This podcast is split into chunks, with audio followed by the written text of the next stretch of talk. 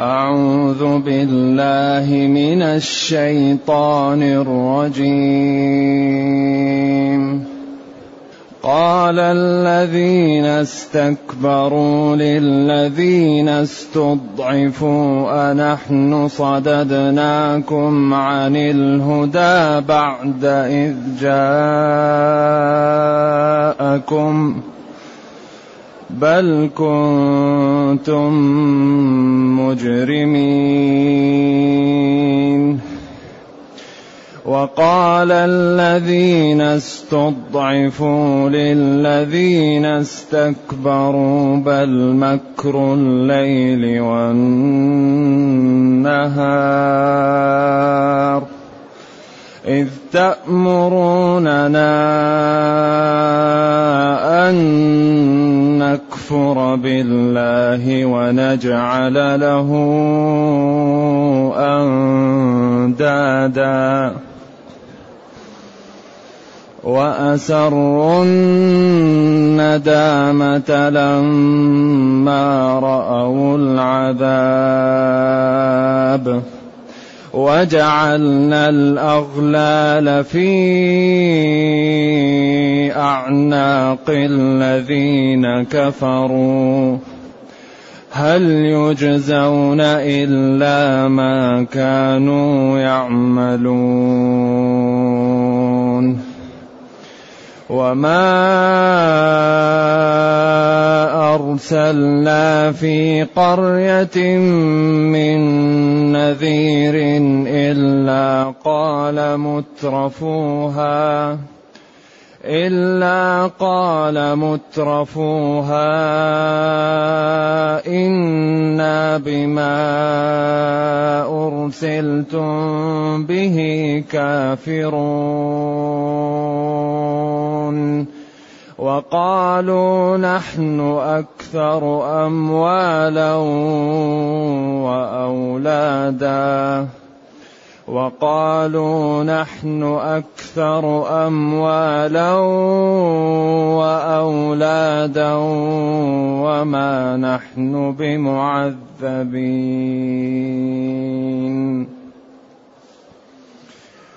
قل إن ربي يبسط الرزق لمن يشاء ويقدر ۖ. لمن يشاء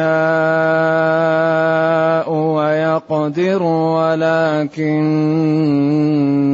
أكثر الناس لا يعلمون.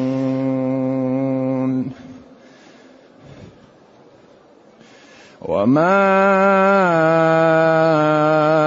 اموالكم ولا اولادكم بالتي تقربكم بالتي تقربكم عندنا زلفى الا من امن إلا من آمن وعمل صالحا فأولئك لهم جزاء الضعف بما عملوا.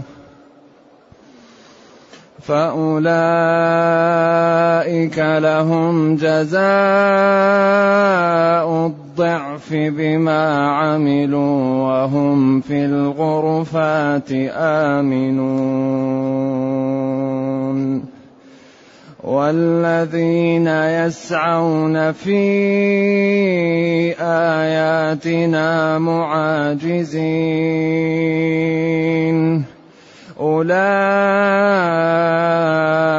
في العذاب محضرون.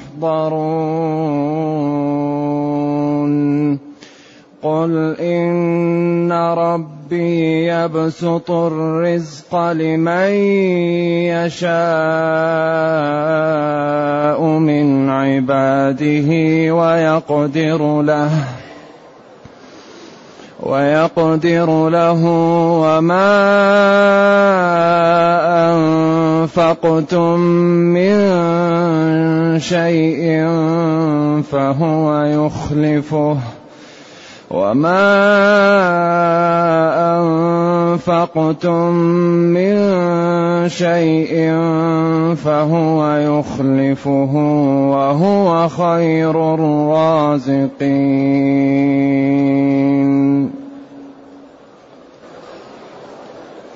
الحمد لله الذي أنزل إلينا أشمل كتاب وأرسل إلينا أفضل الرسل وجعلنا خير أمة أخرجت للناس. فله الحمد وله الشكر على هذه النعم العظيمة والآلاء الجسيمة والصلاة والسلام على خير خلق الله وعلى آله وأصحابه ومن اهتدى بهداه. أما بعد فإن الله تعالى يبين حال الكبراء والصغراء أو الأقوياء والضعفاء يوم القيامة في التلاوم والتنادم والتخاصم فيما يقع بينهم. قال الذين استكبروا. قال الذين استكبروا. قالوا مجيبين للذين استضعفوا. قال الذين استكبروا. يعني استكبروا تكبروا ليس لهم يعني استكبارا يعني تكبرا لا محل له يعني أو استكبر بمعنى تكبر تكون الألف والسين لتأكيد لزيادة في التكبر. أو طلبوا التكبر وهم ليسوا أصحاب فضل. وقال الذين استكبروا للذين استضعفوا الضعاف. أنحن صددناكم عن الهدى. أنحن رددناكم ومنعناكم عن الهدى بعد إذ جاءكم. لا بل كنتم مجرمون. نحن لم نمنعكم ولم نصدكم ولكنكم أنتم تركتم الحق وكنتم قوم كافرين ضالين خارجون عن طاعة الله تعالى. قال الذين استضعفوا وقال الذين استضعفوا.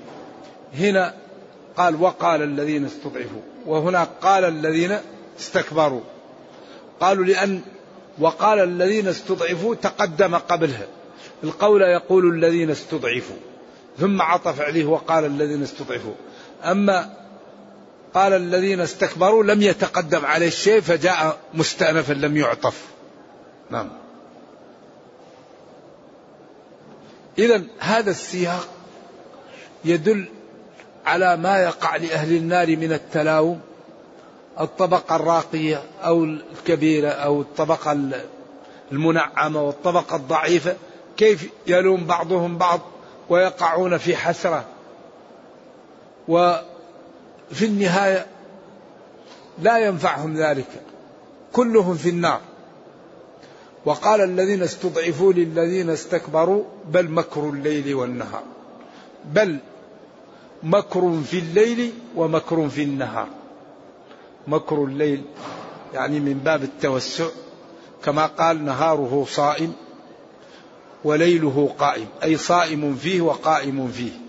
بل مكر الليل أي مكر يعني تحاولون أن تستغلوا جميع الوقت في إبعادنا عن الحق وعن الاستقامة.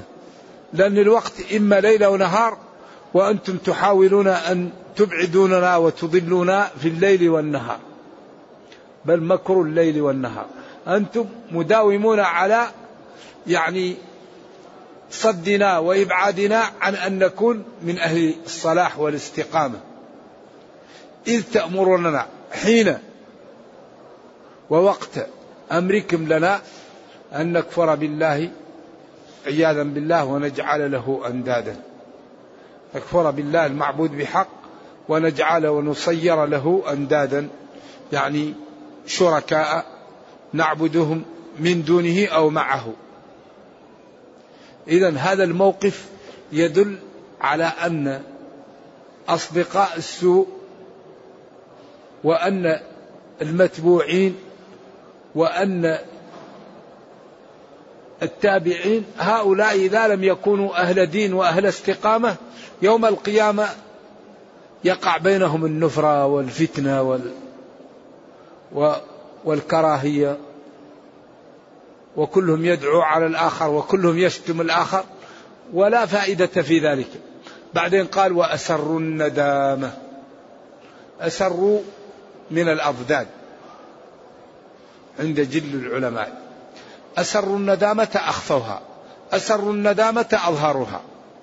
وكل قيل.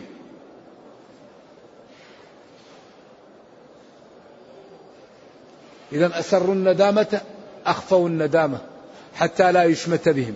أو أسروها أظهروها بما وقع في وجوههم من الألم ومن الحزن. فظهرت الندامة على وجوههم وعلى ما وقع لهم من الكآبة عياذا بالله.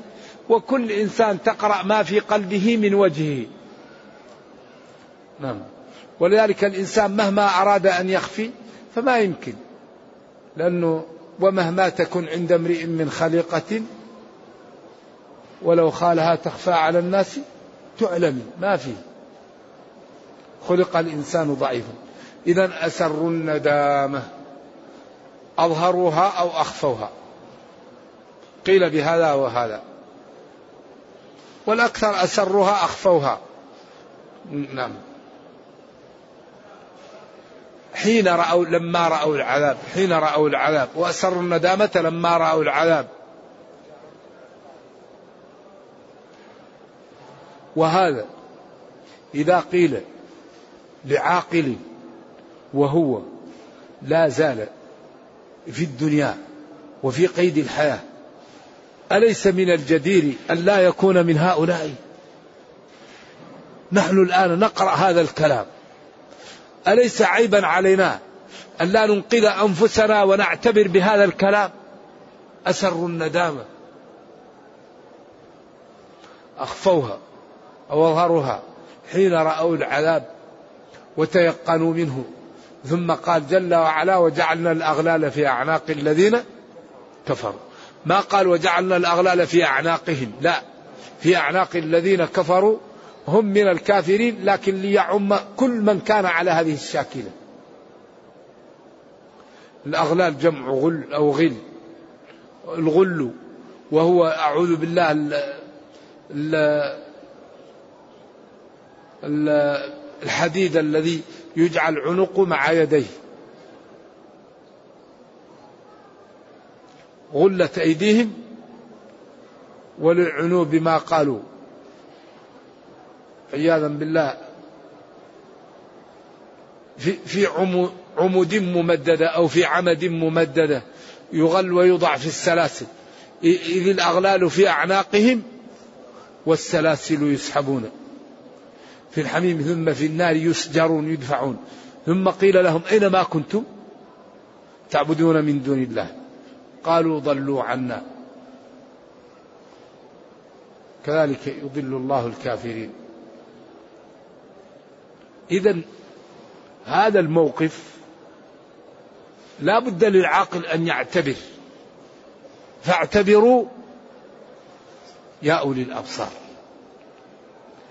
إنسان عاقل يقرأ هذا وهو في الدنيا ينبغي أن يحتاط ويبتعد عن الموارد الذي يكون منها من هؤلاء. أخفوا الندامة حين رأوا العذاب وجعلنا الأغلال في أعناقهم. في أعناق الذين كفروا هل يجزون إلا ما كانوا يعملون؟ يجزون بالذي يعملونه أو بعملهم هل استفهام إنكاري؟ وما إلا تماسكتا. والاستلام مفرط هل يجزون؟ يعني يجزون بعملهم بالذي كانوا يعملونه. وأن يفر سابق إلا لما بعد يكون كما لو إلا عدما. أي ما يجزون إلا بعملهم أو بالذي كانوا يعملونه. إن الله لا يظلم الناس شيئا ولكن الناس أنفسهم يظلمون. يوفيهم حسابهم. كل واحد يعطى له حسابه كامل.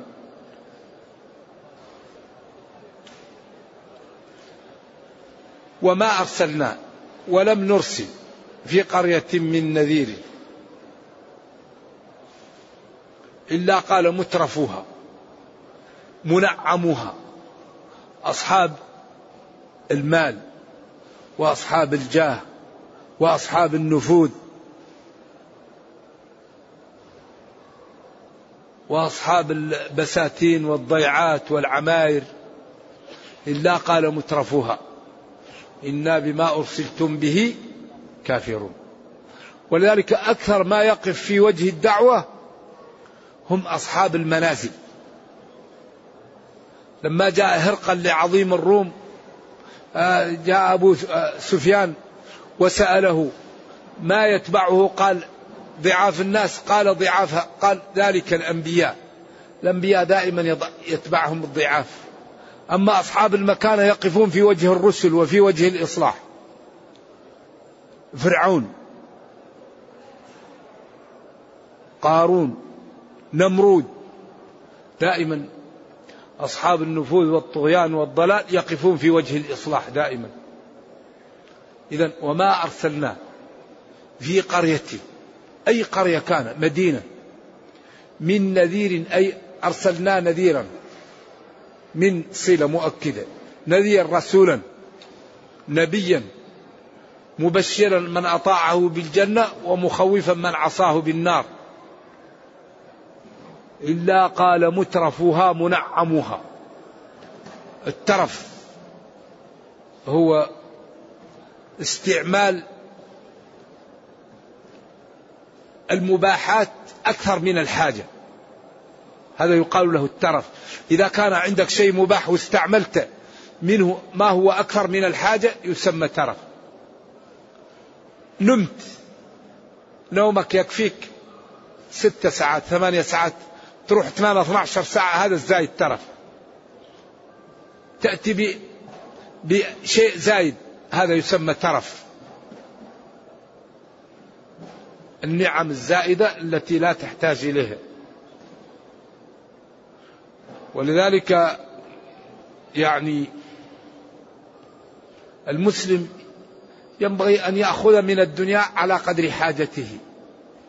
قل من حرم زينة الله التي خرج لعباده والطيبات من الرزق. قل هي للذين آمنوا نحن والكافرون مع بعض ولكنها في الآخرة خالصة للمتقين. لكن لا ينبغي للمسلم أن يذهب ملاذه كلها في الدنيا. أذهبتم طيباتكم في حياتكم الدنيا. يأخذ على قدر ما يقويه على العبادة على الطاعة على أن يبقى له عقل. أما يكون حاجته كلها أن يغرق في الملاذ لا ينبغي للمسلم لأن نحن هذه الدار ما هي دارنا؟ هذه دار نحن ضيوف منازلنا في الجنة. وذلك ينبغي أن نهتم بالزرع حتى نرجع إلى الجنة. وكل ما تنعم الإنسان كل ما تكاسل عن الطاعة وعن العبادة وتشبه في الدنيا فقلت تضحيته لدينه ولأمته. لأن الإنسان إذا تمسكت الدنيا بقلبه وتنعم صعب عليه التضحية. والحياة كلها تضحية. أوفوا بعهدي إن الله اشترى. فالذي يتنعم ما يمكن يبذل يصعب عليه البذل. ولذلك اخشوشنوا فإن النعم لا تدوم. لذلك كان عمر رضي الله عنه يحب الرجل الذي يكون مخشوش ومتواضع وجيد وقوي فما يحب الإنسان الرجل المنعم. ولذلك أحد ولاته سمع أنه يريد أن يعزله فقال لي للرجل الذي مع عمر يرافقه ما الذي يعجب عمر؟ قال له الرجل الذي يلبس اللباس الخشن ويكون قويا ويكون. فراح غير لباس ولبس لباس خشن ودخل عليه. ففرح عمر بطريقته وأبقاه على الجهة الذي هو فيها. هكذا يقال في السياق. نعم. وأسروا الندامة لما رأوا العذاب وجعلنا الأغلال في أعناق الذين كفروا. هل يجزون إلا ما كانوا يعملون؟ ما يجزى كل واحد إلا بعمله. ثم قال وما أرسلنا في قرية من نذير ما أرسلنا. في أي قرية نذيرا؟ إلا قال مترفوها إنا بما أرسلتم به كافرون. إذا الذي يقف في وجه الدعوة الشريحة المترفة التي لها المكانة لذلك من يقف في وجه الإصلاح؟ دائما الناس المترفة المنعمة فرعون قال أما أنا خير من هذا الذي هو مهين ولا يكاد يبين. قضية ما هي قضية إبانة قضية قضية حق وباطل. أنت يا فرعون تستضعف هذه الأمة فاستخف قومه فأطاعوه. تقتل ذكورهم وتخدم نساءهم. تقول أمنا خير من هذا الذي؟ قال يريد أن يخرجكم من أرضكم بسحره. فدائما هذه الشريحة تقف في وجه الإصلاح ولكن الله تعالى إذا أرسل رسله وأتباعهم وبينوا واستقاموا وهذه الشريحة لم تقبل دائما بإذن الله تعالى يقع لها مآزق. لكن بشرط أن يتبع أتباع الرسل ما رسم لهم. إذا اتبع المسلمون دينهم هم إذا دعوا لا بد أن يكون النصر لهم. لكن المشكلة أن المسلمين لا يسيرون في الطرق التي تجعلهم ينتصرون. ولذلك أسباب النصر الاستقامة. أكبر سبب لنصر الأمة الاستقامة. ومن الاستقامة الإعداد ومن الاستقامة التعاون ومن الاستقامة معرفة الصادقين ومن الاستقامة تنفيذ أوامر الله ومن الاستقامة الكف عن نواهي الله. هذا هو أساس الاستقامة.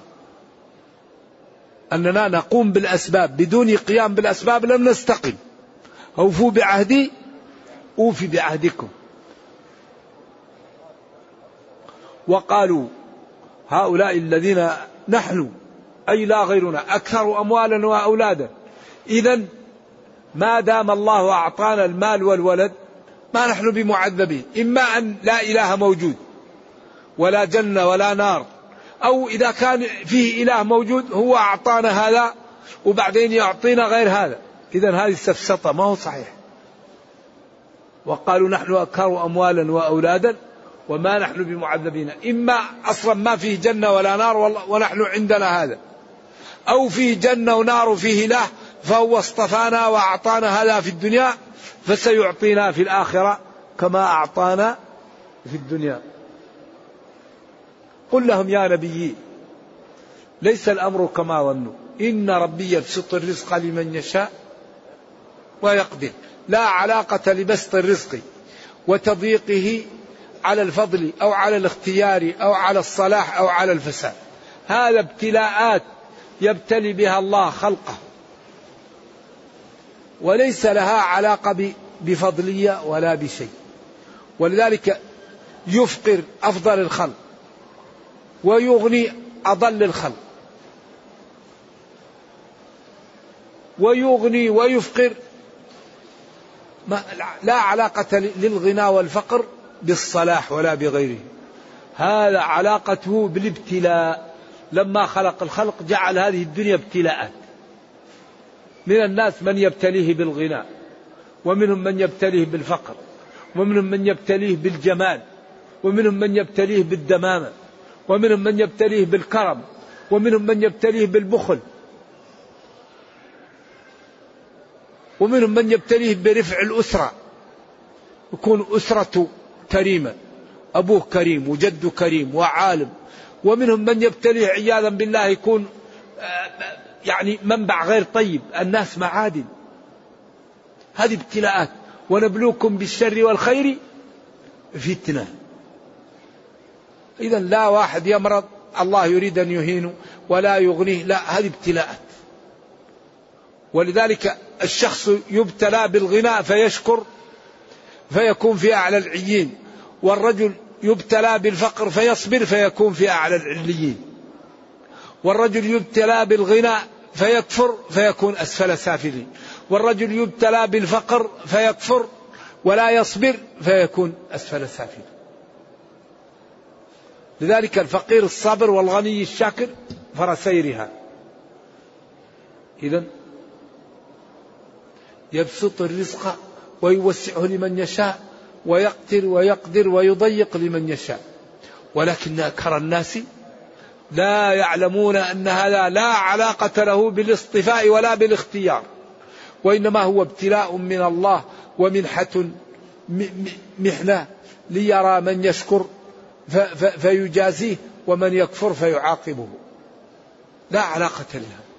ولذلك كل الدنيا وكل هذه الدار للابتلاء. خلق الموت والحياة ليبلوكم. ولا يزالون مختلفين إلا من رحم ربك ولذلك خلقهم. خلقهم للاختلاف وللرحمة. فمنهم شقي وسعيد. ولكن الله تعالى كريم. ويختار لخلقه.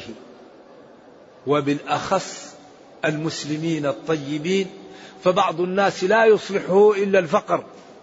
فتجده كل ما باع لا يربح لأن ربه اختار له الفقر لأنه يعلم أنه لو أغناه لطغى وتكبر وتجبر ووقع في المعاصي فيفقره رحمة به. وبعض الناس لا يصلحه إلا الغنى لأنه لو افتقر لوقع في أمور التسخط ووقع في الهلكة فيغنيه وبعض الناس لا يصلحه إلا الكفاف فيعطيه الكفاف. ولذلك يختار لنا. فلذلك المسلم إذا أعطاه الله شيء يرى أن الله أعطاه ما هو الأصلح ويرضى ولكن يقوم بالأسباب. ما تريد؟ قم بالأسباب فيه. إن كنت تريد الغنى قم بالأسباب.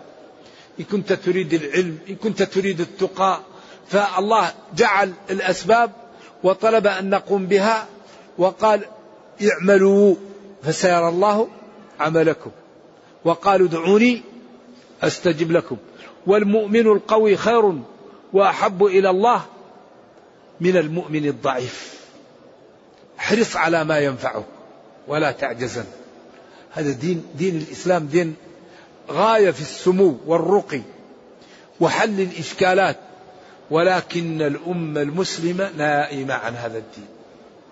حري بنا أن نظهر للعالم جمال هذا الإسلام في حياتنا.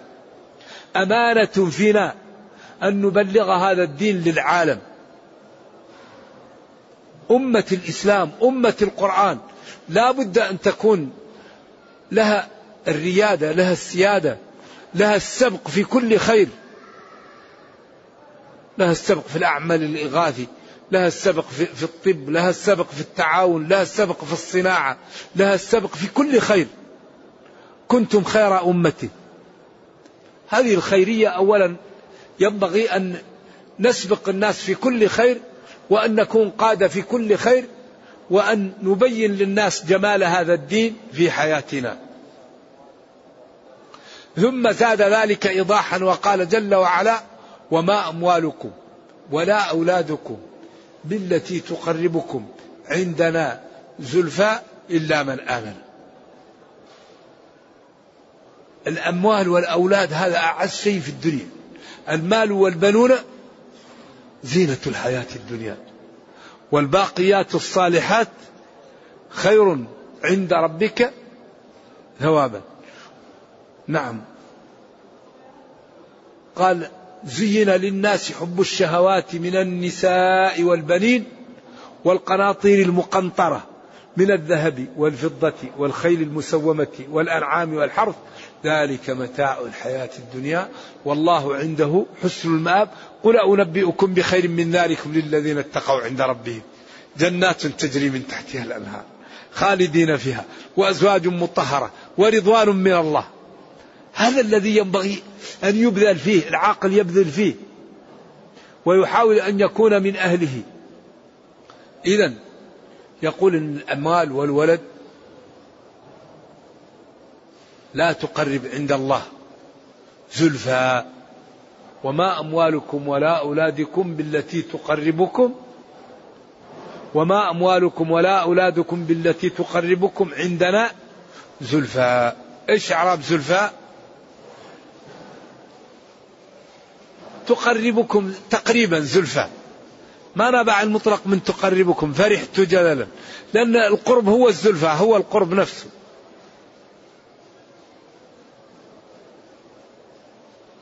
إذا المال والولد لا يقرب عند الله. إلا ك... إلا إذا كان صاحبه يبذله في طاعة الله فيقرب. يكون المال والولد الولد يجعله صالحا. يعبد الله ويساعد الناس ويكون قدوة في الخير والمال يجعله في أبواب الخير بناء المساجد إنفاق على الأيتام إصلاح ذات البين معالجة المرضى منح الأذكياء من الفقراء من المسلمين. أبناء الفقراء أذكياء لكن لا يستطيعون الدراسة. في كثير من البلدان لأن تكليف الدراسة في بعض التخصصات يكون ثمن مرتفع. وهؤلاء يعني الإنفاق فيهم هذا عمل مهم للأمة أن الأذكياء يعلمون ويوضعون في الأماكن التي يحسنون فيها. هذا يجعل الأمة تنهض. وتقوى بسرعة. أول شيء يقوينا نبحث عن الأذكياء. بعدين نجعلهم في التخصصات التي تحتاج لها الأمة. بعد عشر سنين عشرين سنة ترتفع الأمة. وما أموالكم ولا أولادكم بالتي تقربكم عندنا زلفى قرابة. لكن من آمن إلا من آمن استثناء يمكن متصل ويمكن منفصل. أيوة. لكن من آمن هذا منفصل. أو وما أموالكم ولا أولادكم بالتي تقربكم عندنا زلفاء إلا من آمن فأنفق ماله في طاعة الله وجعل ولده صالحا يعمل لطاعة الله تكون الولد والمال يقربه عند الله زلفى. أو يكون الاستناء منقطع لكن من آمن وعمل صالحا فذلك يتقرب عند الله لأنه آمن وعمل صالحا. إذا المال والولد لا يقرب عند الله إلا إذا كان الولد صالحا وكان المال مصروفا في طاعة الله. أما الولد لا يعمل صالح والمال لا ينفق في سبيل الله هذا يكون سبب في البعد أو لا يقرب عند الله. فأولئك لهم جزاء الضعف. الضعف هل مية في المية؟ أو مئتين في المئة أقوال للعلماء. كما قال فيضاعفه له أضعافا كثيرة. إلى سبعمائة إلى ما لا يعلمه إلا الله. وأقل شيء واحد إيش؟ من جاء بالحسنة فله عشر أمثالها. أقل شيء. ومن جاء بالسيئة فلا يجزى إلا مثلها. ربنا كريم. فحري بنا أن نطيعه وأن نفهم شرعه ونتبع نهجه حتى نسعد ونسعد الآخرين. وهم في الغرفات آمنون. هؤلاء الذين آمنوا وعملوا صالحا لهم الجزاء المضاعف وهم في الغرفات جمع غرفة آمنون من كل خوف. يأمنون من لا يحزنهم شيء. لأن الجنة ما فيها إلا ما فيها إلا متع. والغرفات هي الأماكن المرت... البناء فوق البناء يقال له غرف. إذا ارتفع. نعم. والذين يسعون في آياتنا معاجزين أولئك في العذاب محضرون. دائما الشريحتان مصحوبتان. شريحة أهل الاستقامة وشريحة أهل إيش؟ الفساد حتى يكون كل واحد على بصيرة. والذين سعوا مشوا وبحثوا. والذين سعوا في آياتنا. والذين يسعون يعني سعي. كأنهم الفعل المضارع يدل على التجدد والحدوث. يعني دائما يسعون. يعني يذهبون مرة بعد مرة يعني ليكذبوا بآيات الله ويغالبوا الله ويقفوا في وجه رسله ودعوته. معاجزين مغالبين. أولئك في العذاب حضروا حاضرون. أولئك لا غيرهم. في العذاب في النار محضرون يعني دائمون. ثم بين وأعاد. قال قل إن ربي يبسط الرزق لمن يشاء ويضيق لمن يشاء. إن ترى العالم نضوا مرملا صفر كف لم تساعده سبب وترى الجاهل قد حاز الغنى محرز المأمول من كل أرب. قد تجوع الأسد في آجامها والذئاب الغبس تعتام القتب.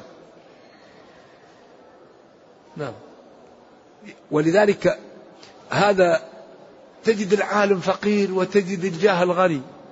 كم عالم يسكن بيتا بالكرى وجاهل له قصور وقرى. لما قرأت قوله سبحانه نحن قسمنا بينهم زال المرى نعم. كم عالم عالم أعيت مذاهبه وجاهل جاهل تراه مرزوقا. هذا الذي صير الأوهام حائرة وجعل العالم النحرير زنديقا. فلا علاقة بالغنى بهذا نعم. قل إن ربي يبسط الرزق لمن يشاء يوسع عليه ويقدر لمن يشاء. إذا لا علاقة لتوسيع الرزق ولا لتضييقه بالفضل ولا بالكرم لا. الله يغني ابتلاء ويفقر ابتلاء ونرجو الله تعالى أن يجعل ابتلاءنا بالنعم ويجعلنا نشكر على ذلك لأنه كريم. نعم. ولذلك قال أسأل الله العافية. أسأل الله العافية. نسأل الله العافية. نعم, نعم. قل إن ربي يبسط الرزق لمن يشاء من عباده ويقدر له. وما أنفقتم من شيء فهو يخلفه وهو خير الرازقين. وما أنفقتم من شيء فهو يخلفه. إن الله أعطى لكل ممسك تلفا. وقال ولكل منفق خلفا. يا عائشة لا توكي فيوكي الله عليك. من الذي يقرض الله قرضا حسنا فيضاعفه له أضعافا كثيرة. أكبر سبب للغنى البذل. الذي يريد أن يغنيه الله يصبر نفسه ويبذل. يزيد المال. أكبر سبب للغنى البذل. ما دام الله يقول أعطي لكل ممسك تلفا ويعطى لكل منفق خلفا. لا توكي فيكي الله عليك. وما رأيت أجمل من هذا الإسلام. يأمر بالبذل وينهى ويأمر بالتعفف ويأمر بالستر ويأمر بالصبر. حتى يبقى الإنسان من كل جهة يتعفف ويبذل ويصبر ويكف أذاه حري بنا أن نعطي وقتا لهذا الدين. نفهمه وندعو الناس إليه ونحاول أن ننقذ البشرية من واقعها. لأن العالم الآن ليس له إلا الله ثم المسلمون يحاولون أن ينقذوا ما استطاعوا من هذا العالم الذي في بحر من الضلال والانحراف. فإذا لم يقم المسلمون بواجبهم ويظهرون للناس جمال الدين في حياتهم فمن للعالم؟ إذا لم يقم المسلمون بما يجب عليهم نحو العالم لإنقاذه من الضلال والكفر فمن للعالم؟ إذا المسلمون المسؤولية عليهم عظيمة. وأهم شيء أن نفهم ديننا ونتمثله ونهتم بالبرامج. لا بد أن نهتم بالبرامج. كيف ننقذ العالم من الكفر؟ كيف نوضح للناس أن الإسلام دين النزاهة دين العدالة دين السماحة دين الرفق دين الحقوق؟ بأي حق يكون الإسلام يتهم والمسلمون لا يبين للناس الكذب على الإسلام؟ أين الكتاب؟ أين العلماء؟ أين العقلاء؟ ينبغي أن يكون لنا آه، مداومة لمتابعة من يطعن في هذا الدين ومن ينفر فيه حتى نفهم الناس عن هذا الدين فيدخل آه، فيه العالم ونكون سبب في إنقاذ البشرية. ولذلك قال تعالى كنتم خير أمة خرجت للناس إيش؟ تأمرون بالمعروف وتنهون عن المنكر. لا يضركم من ضل إذا اهتديتم. ما الاهتداء؟ الأمر بالمعروف والنهي عن المنكر. نرجو الله جل وعلا أن يرينا الحق حقا ويرزقنا اتباعه وأن يرينا الباطل باطلا ويرزقنا اجتنابه وأن لا يجعل الأمر ملتبسا علينا فنضل. اللهم ربنا أتنا في الدنيا حسنة وفي الآخرة حسنة وقنا عذاب النار. اللهم اختم بالسعادة آجالنا واقرم بالعافية غدونا وآصالنا واجعل إلى جنتك مصيرنا ومآلنا يا أرحم الراحمين. سبحان ربك رب العزة عما يصفون وسلام على المرسلين والحمد لله رب العالمين. والسلام عليكم ورحمة الله وبركاته.